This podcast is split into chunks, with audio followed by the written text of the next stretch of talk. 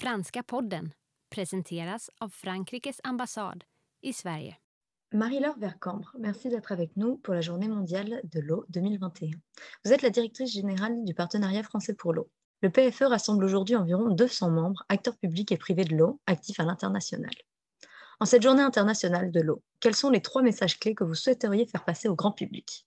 Alors, la journée mondiale de l'eau, c'est l'occasion de, rappeler les, grands enjeux de l'eau qui sont encore méconnus par le grand public. Il y en a trois que je voudrais mentionner qui sont au cœur de nos travaux. C'est d'abord l'eau est au centre de, toutes nos activités, elle est au centre de la vie. À ce titre, elle est au centre de, ce qu'on appelle euh, l'agenda 2030 euh, pour euh, le développement durable. Et il faut rappeler des faits qui sont criants comme euh, le fait que, par exemple, 2 milliards de personnes euh, sur Terre ne boivent pas une eau sûre euh, encore en 2021. Et ça, ça ne peut pas durer. Nous travaillons sur les objectifs de développement durable, mais aussi sur l'agenda climatique. Et là aussi, l'eau n'est pas assez prise en compte dans l'agenda climatique. On parle beaucoup d'atténuation, de réduction des émissions de gaz à effet de serre, et c'est normal.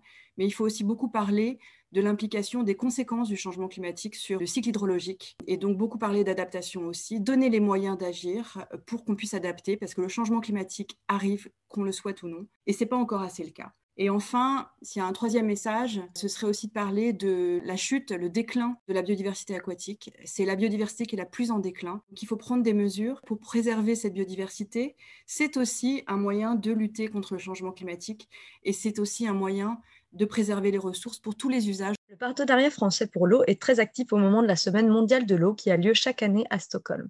Pouvez-vous nous en dire plus sur les actions prévues cette année? Effectivement, on est présent tous les ans à Stockholm, euh, qui est vraiment la grande messe euh, pour l'eau. Donc là, on va organiser des événements euh, sur les financements mixtes parce que c'est une solution très importante pour arriver à, répondre au déficit de financement de tous les enjeux de l'eau. On va aussi parler de, des questions euh, d'interface entre les, les, enjeux de, l'océan, les enjeux littoraux et les enjeux des eaux terrestres, parce que beaucoup des problèmes viennent, euh, viennent de la Terre, bien sûr, hein, arrivent dans l'océan à travers nos fleuves et sur nos côtes.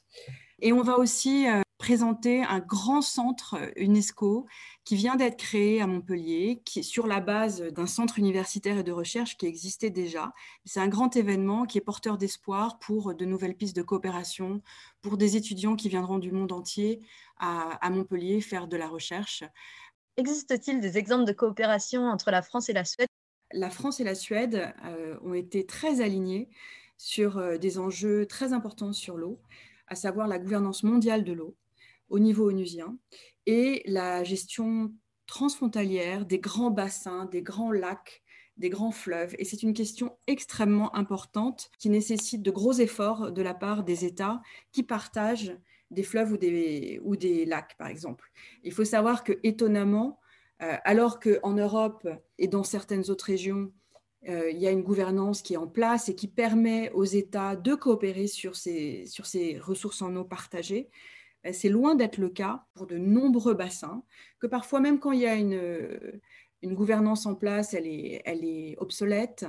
Et, et ça, c'est vraiment une question qui a été extrêmement poussée au niveau des Nations Unies et dans le cadre de leur coopération internationale la France et la Suède sont des champion countries de ce point de vue-là. L'autre grand événement mondial en matière de l'eau est le Forum mondial de l'eau. Il se tiendra en 2022 à Dakar, au Sénégal. Quelles sont les perspectives d'action envisagées dans ce cadre? Alors le Forum, c'est un événement qui a lieu tous les trois ans dans un pays différent et qui rassemble des dizaines de milliers de personnes. Donc ce sont des événements très importants qui ont maintenu depuis leur création en 1997 un momentum pour euh, les professionnels de l'eau, la société civile, et qui a maintenu une pression pour que plus soit fait aussi au niveau euh, intergouvernemental, par exemple aux Nations Unies. Il est euh, accueilli par un pays différent à chaque fois.